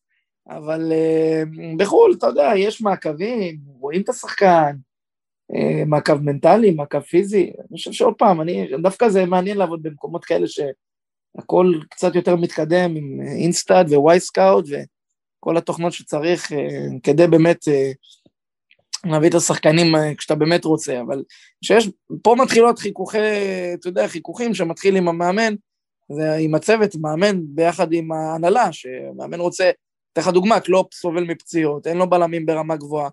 הנה, הוא רצה לקנות את אה, צ'לט השר, צר ממרסיי, ולא הלך לו, הוא הביא את הבלם הטורקי מ... אה, איך קוראים לו? כן, הביא אותו, אז ככה ש... מה אני אגיד לך? אבל אנחנו רואים את האינטראקציה הזאת בין מאמנים למנהלים מקצועיים היום, שבאמת, אה, למשל בביירן ובפריס סן ג'רמן, שאתה יודע, יש חילוקי דעות בין מאמן למנהל מקצועי, אבל אה, כנראה שהכדורגל לשם הולך, אה, מאמן בסופו של דבר יהיו איזו הפרדת כוחות בין הנושא של הרכש ושל האימון. בכל מקרה בואו נתקדם קצת ככה נגביר את הקצב, אה, בכל זאת פרק על ביאלסה אז חייבים להיות מהירים. אה, הרפתקה באליל ככה גם, הוא עושה הרבה שינויים, בונה אה, במערכי אימונים אנגלוס בלי מקלחות ובלי חשמל, נכון מרו? מה זה היה שם בדיוק? כן, זה, זה חלק מהשיגעונות שלו, זה אני חושב שקודם נתחיל בהתחלה, איך בכלל נולד הסיפור שלו עם ליץ. אה, אז למעשה נציגי הקבוצה החליטו שהם מאוד אה, מעוניינים אה, להחתים את ביאלסה שאז היה בארגנטינה, נסעו אליו כמה אנשים מהנהלה, קבעו איתו במלון, ואתה יודע, אתה מגיע בתור נציגי הנהלה של קבוצה, אתה אומר לעצמך, כמה זמן זה כבר יכול לקחת, אתה יושב עם מישהו, פגישה ראשונה, אתה מציג לו דברים, אתה מראה לו שאתה מעוניין, אבל מסתבר שהם ישבו איתו שוב, יש כמה גרסאות, אבל פחות או יותר כ-12 שעות כל היום במלון, בלובי המלון, אה, והם בכלל לא דיברו שם על כסף או שכר או דברים כאלה, כנראה דיברו מה, על מה שביאלסה באמת אה, מבין בו, כדורגל. אה, ככה למעשה זה נולד, כמובן שלא אחרי הפגישה הראשונה החתימו אותו, אבל לאחר מכן כן. ביאלסה מגיע לליץ, כמובן צמוד, אליו תמיד תמיד יש אה, מתורגמן, ואם יהיה לנו כמה דקות נדבר גם על, ה, על הדבר הזה. אמ, ו... וכן, זה העונה השלישית אה, של ביאלסה, ו... ולאט לאט. גם האוהדים של ליץ מאוד, אה, מאוד אוהבים אותו, מתחברים אליו. זה, זה המקום להגיד שאבא שלי ואחי אוהדים שרופים של ליץ הרבה לפני שביאלסה הגיע. אה, וכיף להם, כיף להם לראות את המשחקים של ליץ, את המהירות, אה, אחרי הרבה שנים שליץ הייתה בליגה השנייה וקבוצה אפורה ושרק בא להם אה, לבכות מלראות את המשחקים שלהם, פתאום יש חידוש, כיף לראות את ביאלסה. מאוד אוהבים אותו, גם שם היו הרבה פרשיות, מפרשיית הריגול אחרי דרבי, לפני הפלייאוף אם אני זוכר נכון, שבמרכאות תפסו את אחד הסקאוטים שלו מתגנב ל, ל, ל, לאחד האימונים.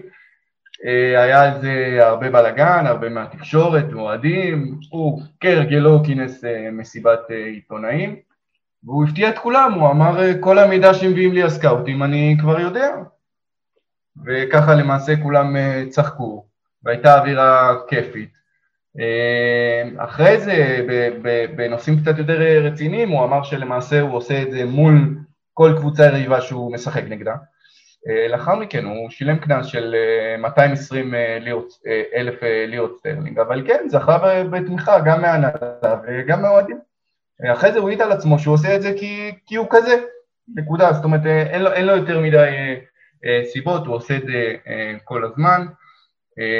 ביאלסה צריך להגיד, אה, בהתחלה היה גר בליץ, אבל אה, יותר מדי רעש בשבילו, כרגע גר אה, מחוץ לליץ. בימים יפים אומרים שהוא עושה את הדרך הכל ברגל, 50 דקות, מאוד חווים שם, מאוד אוהבים אותו שם בעיירה שהוא נמצא בה, הוא פוגש אנשים בסופר. ביאלסה כל הזמן עם בגדי ספורט של ליץ, לא מעניין אותו אם הוא הולך לסופר או אם הוא הולך לחגיגות 100 שנה של לידס. אה, כמו התמונות, אה, אני גם אה, פרסמתי אותן, הוא פשוט הגיע עם טרנינג לחגיגות 100 שנים של לידס, משהו שהבריטים לדעתי לא ראו כל ההיסטוריה שלהם, כולם עם חליפות. עם חליפות ועניבות ופפיונים. כן, הבן אדם עם טרנינג, כאילו הוא בא לאימון, אבל, אבל זה האיש, זאת אומרת אם אתה עכשיו תנסה להסביר לו ביילסה, תראה, פה במיוחד פה בבריטניה לאירועים חגיגיים, באים קצת יותר, הוא יחשוב שאתה החייזר ולא הוא החייזר, וככה הוא, ולדעתי וזה מה שחשוב, אנשים כבר לא נכנסים לו לאיך אתה לבוש, איך אתה בא, מה, מה אתה חושב. מקבלים אותו. מקבלים אותו כי יודעים שזה האיש. ולאור כל הסיפורים גם יודעים שלא כדאי להתעסק איתו בדברים שהם אה, לא כדורגל. בואו תתעסקו איתו רק בדברים של כדורגל, כל השאר תשאירו לו. אה, זהו, והוא מאוד אהוב. ורק בחצי דקה על המתורגמן שלו, אז ביאלצ'ה אומר שהוא לא יודע אנגלית. זאת הגרסה של ביאלסה שהיא קצת מוזרה כי הוא יושב במסיבות עיתונאים וכשלמעשה המתורגמן מתרגם לו הוא כועס על המתורגמן שהוא לא תרגם לו את זה כמו שצריך. זאת אומרת יש שם כל, כל מיני דברים מאוד מוזרים שאומרים רגע אתה יודע אנגלית או לא יודע אנגלית? אה, אז מה שחשוב להסביר פה זה שכשביאלסה מדבר ספרדית הוא לא מדבר ספרדית של שפת רחוב סלנג הוא מדבר ספרדית שהיא מאוד מאוד ספרותית שאפילו לי קשה להבין, זאת אומרת, אם אתה יושב איתו והוא נותן לך אה, כמה סיבות לכמה דברים, הוא מדבר ברמה מאוד מאוד גבוהה, והוא אומר, אני את הרמה הזאת של הספרדית, אני לא יכול להעביר אותה לאנגלית, וזה הצורך שלי במתורגמן, גם אם אני מבין מה ששואלים אותי. אני עדיין צריך מתורגמן, עדיין היו הרבה תקריות עם המתורגמן, הוא החליף כמה מתורגמנים, כולם ביוטיוב דרך אגב, לכו לראות את זה, כי זה הצגה טובה. תשלח, תשלח לנו, זה מעניין. נוסיף לפרק, לפוסט את, את כל הסיפורים ואת כל הלינקים האלה, אה, אבל באמת, אם אנחנו כבר מזכירים וקפצנו ללידס, אני חושב שגם אה, אה, לידס וגם ביאלסה חיכו לשידוך הזה. ביאלסה כבר כמה, בגיל 60, בן כמה הוא מרוקו? אה, כן, לא זוכר במדויק, אבל כן, כן משהו באזור. כן, הוא כבר מאמן שלושים ומשהו שנה, ואני חושב שאפשר להגיד בוודאות ש... טוב, זה באמת, זו עובדה, כי הוא נמצא שם עוד מעט, הוא סוגר שלוש שנים, וזו התקופה הכי ארוכה שהוא אה, מאמן בקבוצה מסוימת, ואני חושב שבאמת אנשים לא מבינים עד כמה החשיבות שלו למועדון הזה היא עצומה. ואני, אפרופו, התוודעתי לביאלסה ורק בשנה האחרונה, וראיתי את הסדרה Take us home, ואתה רואה את החשיבות של, ה, של ביאלסה למהות של, של לידס, של אהבה לכדורגל, והוא בדיוק משדר את האהבה הזאת של האוהדים, הכמיהה הזאת באמת לכדורגל טוב, והוא החזיר אותם לפרמייר ליג אחרי שנים של כישלונות, ואחרי כמה, 18 שנה או 15 שנה, משהו בסגנון, הוא באמת הביא אותם אה, לפרמייר ליג, ואת זה הם אה, ככה מעריכים לו מאוד. טוב, אז אה, גם הסיפור עם איך בכלל נולד השידוך הזה, ככה, עם לידס, באמת דיברנו על זה ש... זה שידוך משמיים, אבל גם הסיפור על איך, איך הקשר התחיל, הוא גם משעשע, לא מאורו? אמ, כן, כן, הסיפור הוא משעשע, אבל אה, לדעתי, אני, אני כן יודע שהיו אה, קצת קשיים בהתחלה, כי שוב, כמו שסיפרתי אה, מקודם, הפגישה הראשונה הייתה המון המון זמן, ובוא נגיד שנראה לי אצל הבריטים הם פחות דוגלים בדברים האלה, לדעתי שהם יותר אוהבים ללכת ישר ולעניין, ו... וכן, ההחתמה היא באמת משמיים ועכשיו כולם מרוצים, אבל בתחילת הדרך אה, כן היו כל מיני קולות של אה, האם זה מתאים, האם זה לא מתאים, בכלל כל הדיון הזה אם ביאצה בכלל מתאים לליגה האנגלית, הוא מתאים או לא, לא יודע, אתם יכולים לשפוט בעצמכם. אה, בסופו של דבר מה שחשוב להגיד זה שלא משנה איך זה נוצר ואיך איך זה נוצר וכמה שעות או ימים או לילות כל הצדדים ישבו זה לצד זה, חשוב מאוד שזה קרה בסוף כי זה מלמד אותנו הרבה דברים, זה מלמד אותנו גם על, על בן אדם שלא משנה לאן שהוא מגיע, הוא באותה דרך, לא משנה אם הוא בנבחרת ארגנטינה, בנבחרת צ'ילה, בלציו, ברומא, אה, סליחה, בלציו, במרסיי, בליל, אה, לא משנה לאן הוא מגיע, הוא תמיד הולך עם הדרך שלו.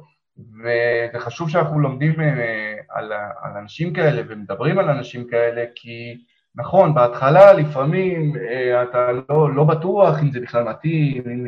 אם כדאי לעשות את זה, גם אם לקריירה של ביאלסה זה היה טוב בהתחלה, אף אחד לא יודע. בהתחלה לא כל כך הצליח, בטח שלא לא העלה את ליץ אה, אה, רק בעונה השנייה, בעונה הראשונה הוא לא הצליח, אה, בפלייאוף הוא הפסיד. ומה שחשוב בסופו של דבר, ו... וכמו שאנחנו מדברים, שמה שחשוב בכדורגל זה תארים והישגים וכל הדברים האלה, לפעמים פה אצל ביאלסה חשובה מאוד הדרך.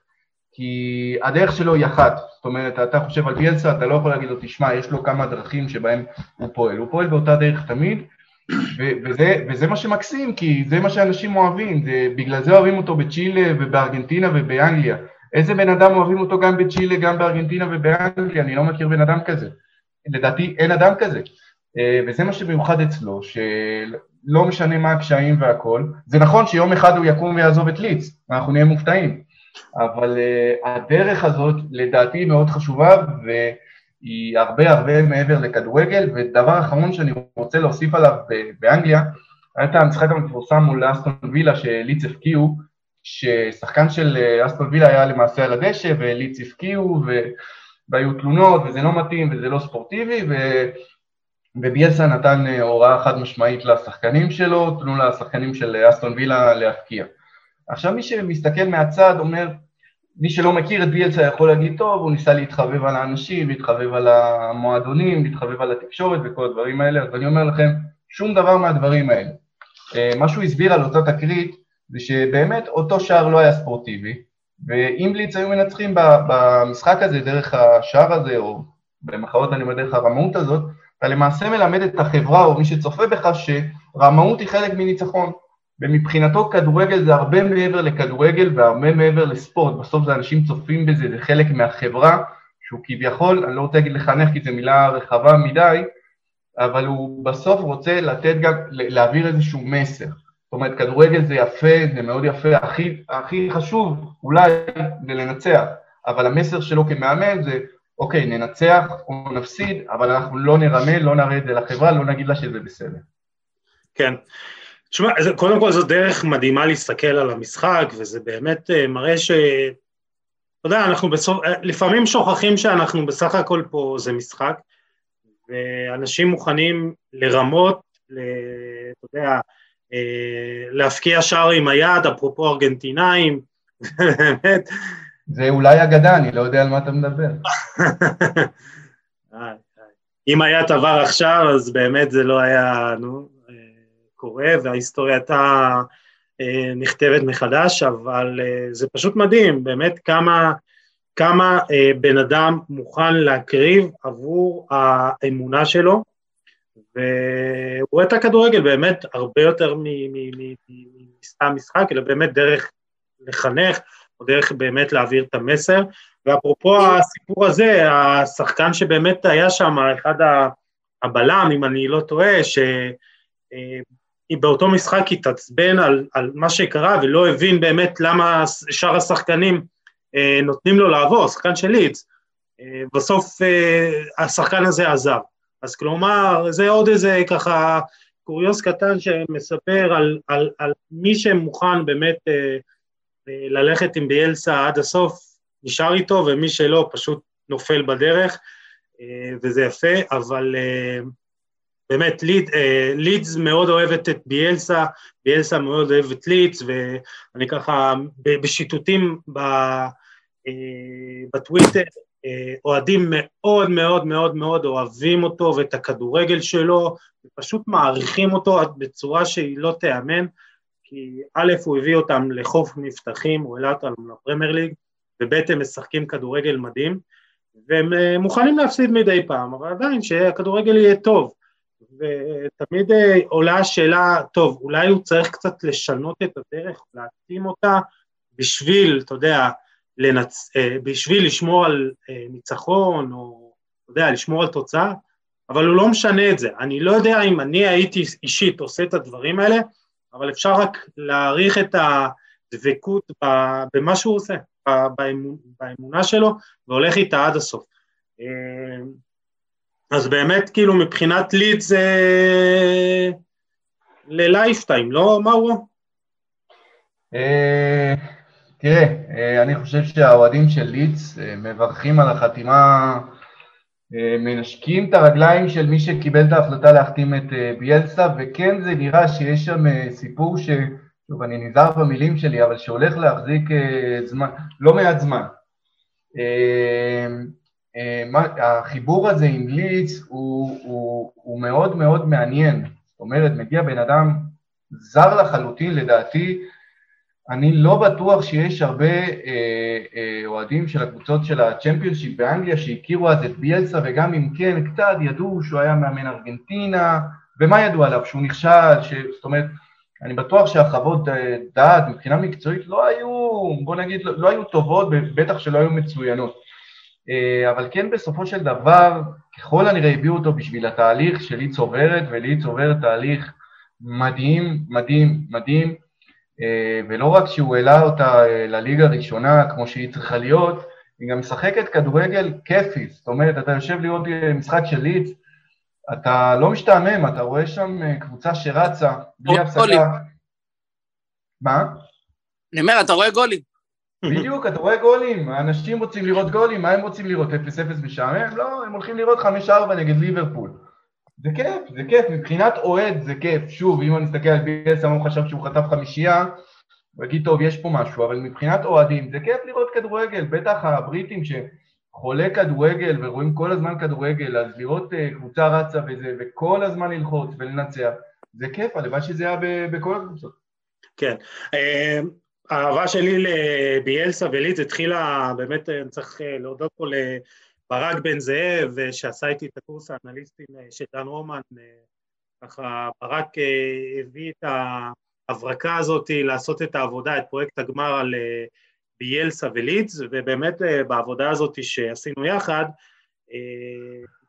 הוא פשוט שינה את הכדורגל.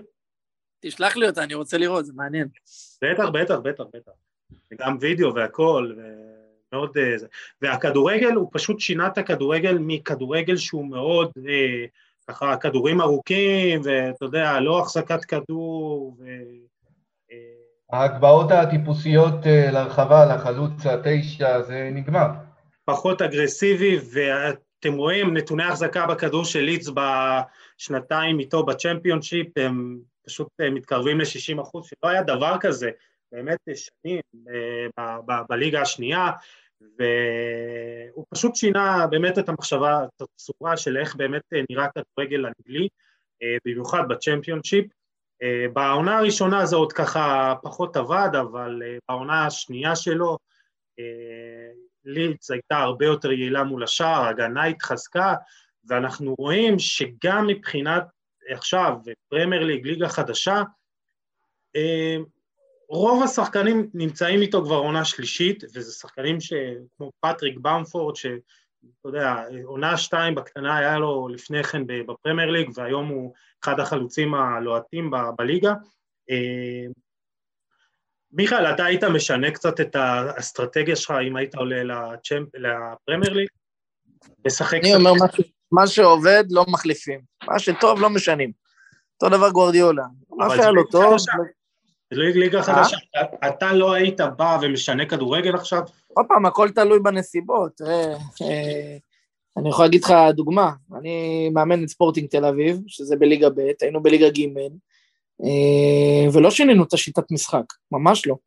שיטת משחק עובדת גם בליגה ב', ואתה יודע, אמנם התוצאות לא היו כל כך טובות, אבל המשחקים, היינו הרבה יותר טובים אה, משתיים מתוך השלוש משחקים שהיינו, שלטנו יותר בכדור והגענו ליותר מצבים. ניצול מצבים לא היה טוב, אבל זה לא אומר שאני צריך לשנות. אם אני רואה שכן המשחק דופק, אז למה לא? לא, זה כדורגל, כמו שמאורו אמרת, זה באמת כדורגל אה, מדהים וכיף לראות, ואני חושב ש...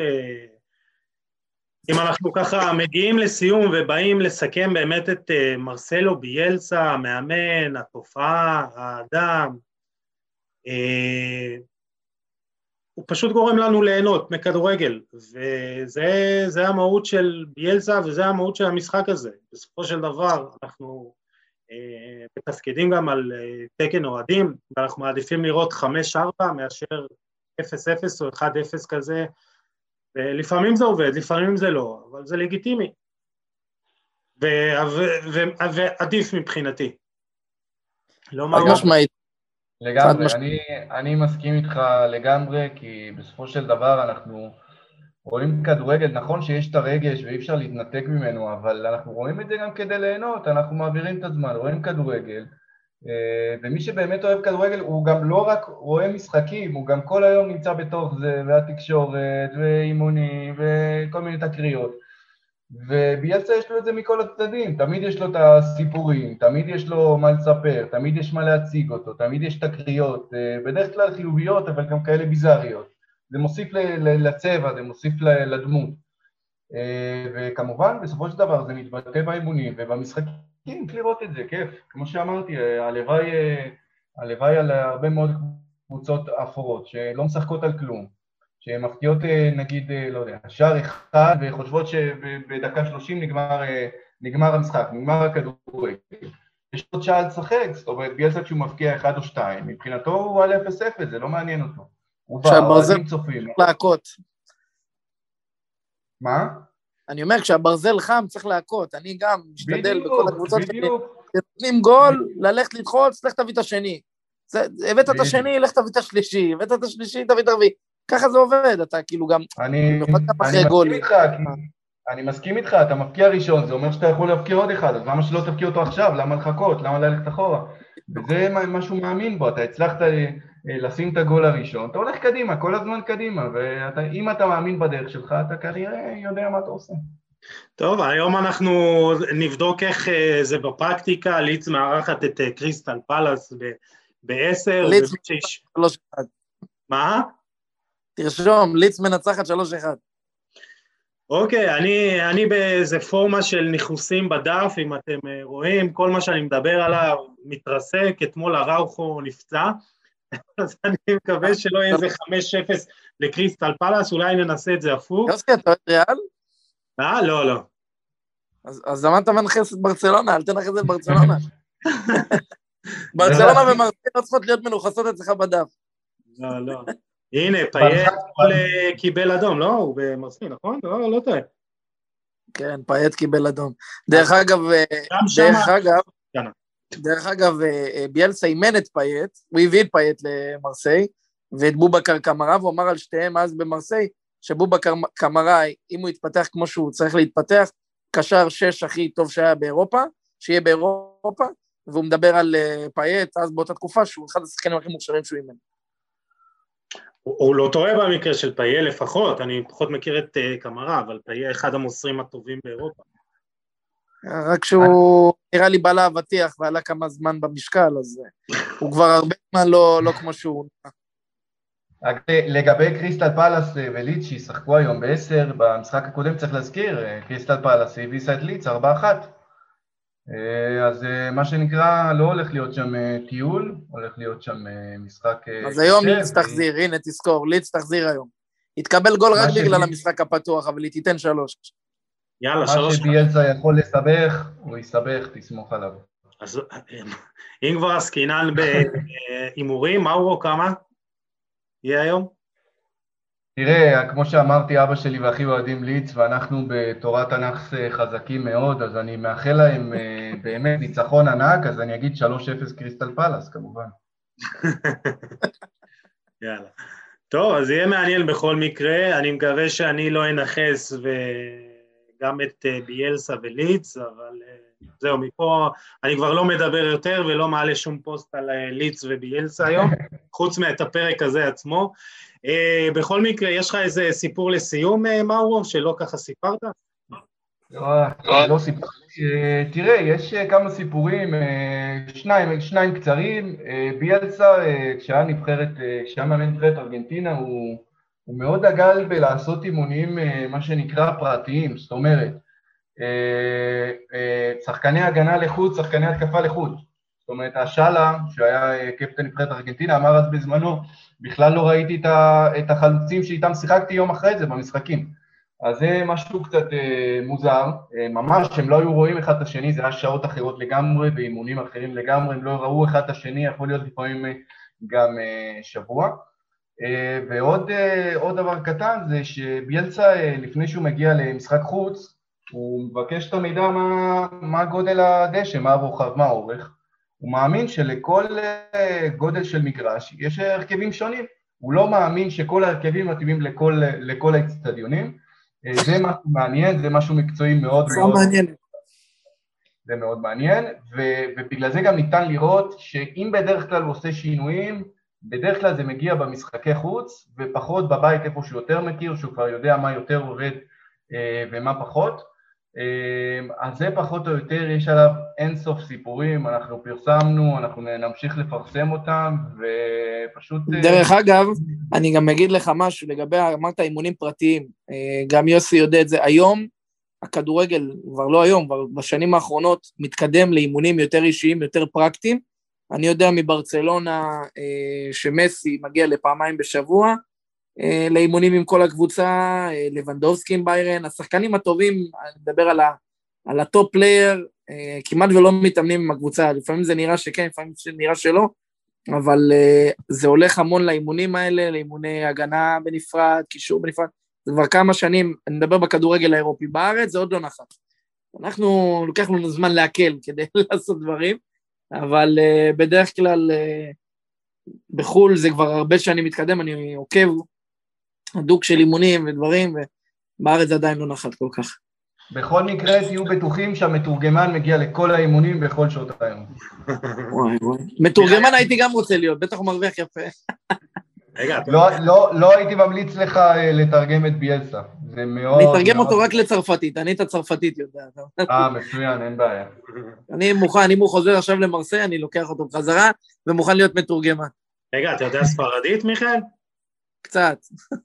טוב, תעבור אחר כך uh, לשיעורים פרטיים עם uh, מאורו פה. כן, שיעורי הגנה. כן, כן. הייתי גם uh, שמח. בכל מקרה, תקשיבו, אני מאוד חיכיתי לפרק הזה הרבה זמן. אני מבחינתי, ביאלסה הוא דמות מרתקת ומאמן גדול. יש שיגידו שהוא overrated, אני ממש לא חושב ככה. ההשפעה של מאמן היא, היא קצת יותר מעבר לתארים, ותמיד יהיו כאלה שמדברים גם בנושא של גוארדיולה, שהוא לא לקח צ'מפיונס, או מסי שהוא לא לקח אה, אה, מונדיאל.